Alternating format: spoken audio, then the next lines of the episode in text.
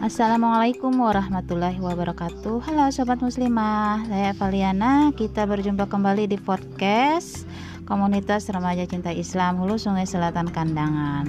Oke dalam kesempatan ini saya akan akan ngobrol tentang glowing ala muslimah. Ya Sobat Muslimah Kalian pasti pengen ya punya kecantikan fisik berwajah cantik kayak para eoni Korea. Apalagi tren kecantikan selalu berubah seiring perkembangan zaman Dulu banyak wanita yang pengen kulitnya putih bak pewalam.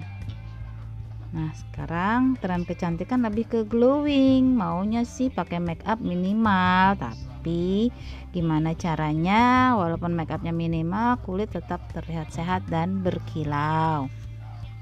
Sahabat muslimah, menurut pakar kecantikan, kulit glowing itu kulit yang sehat, bersinar dan bercahaya. Wah, ciri-ciri wanita dengan kulit glowing itu halus, kenyal, elastis.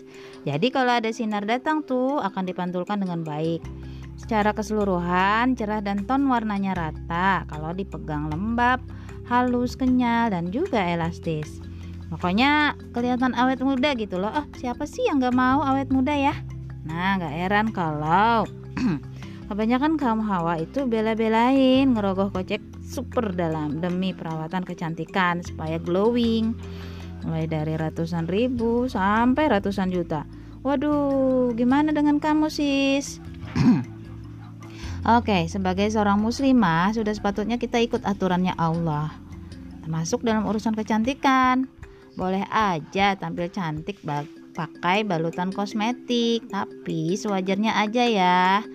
Nah, jangan sampai kebablasan jadi menor seperti SPG ya yang memancing perhatian calon pembeli. Wah, jangan ya sobat muslimah.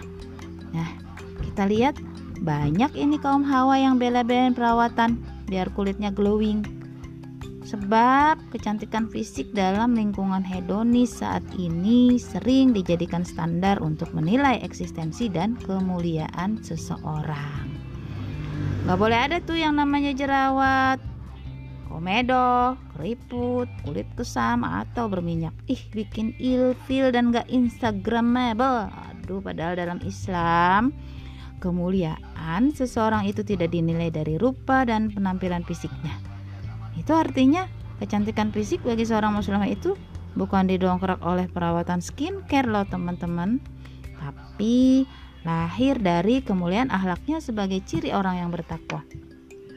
Dari Abu Hurairah Rasulullah bersabda sesungguhnya Allah tidak melihat kepada tubuh dan rupa kalian akan tetapi Allah melihat kepada hati kalian.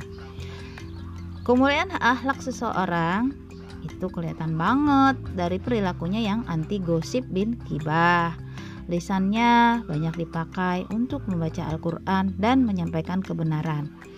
Bukan mengumbar aib saudaranya atau ngebully biar tampak kekinian. Nah, auratnya juga terjaga dengan sempurna ketika di luar rumah. Kelengkapan himar atau kerudung, jilbab, hingga kaos kaki itu tidak lepas dari busana kesehariannya. Terbiasa menundukkan pandangan, bukan malah jelalatan cari gebetan Ikhwan aduh malu-malu aja ih. Itulah sedikit gambaran kalau kita pengen tampil cantik dan berakhlak mulia. Biar kita nggak terjebak dalam arti kecantikan semu yang disandarkan dan distandarkan pada penampilan fisik dalam hidup yang hedonis. Hmm, mesti banyak punya kosmetik. Kita juga mesti paham kosmetik. Hafal brand-brand ternama kosmetik atau mengikuti gaya fashion style yang gak ada habisnya buat dikejar.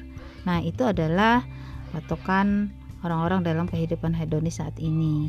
Dan ternyata guys, itu gak menjamin kebahagiaan loh.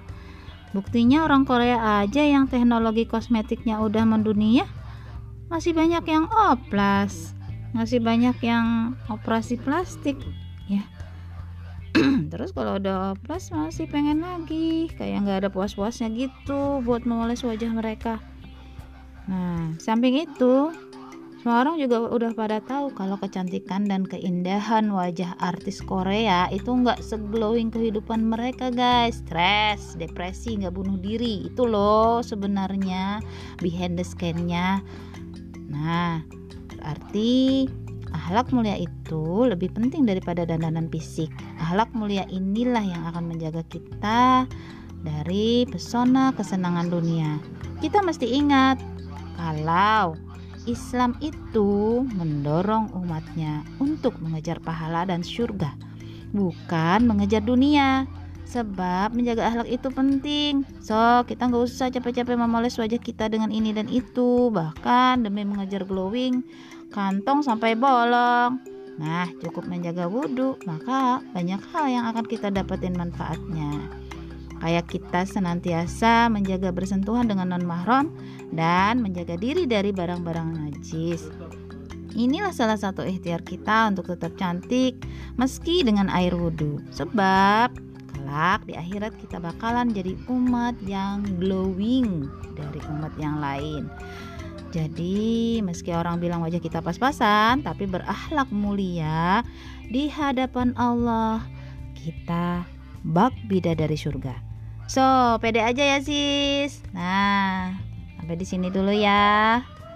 Kisah kita tentang glowing ala muslimah. Sampai jumpa lagi di podcast berikutnya. Wassalamualaikum warahmatullahi wabarakatuh.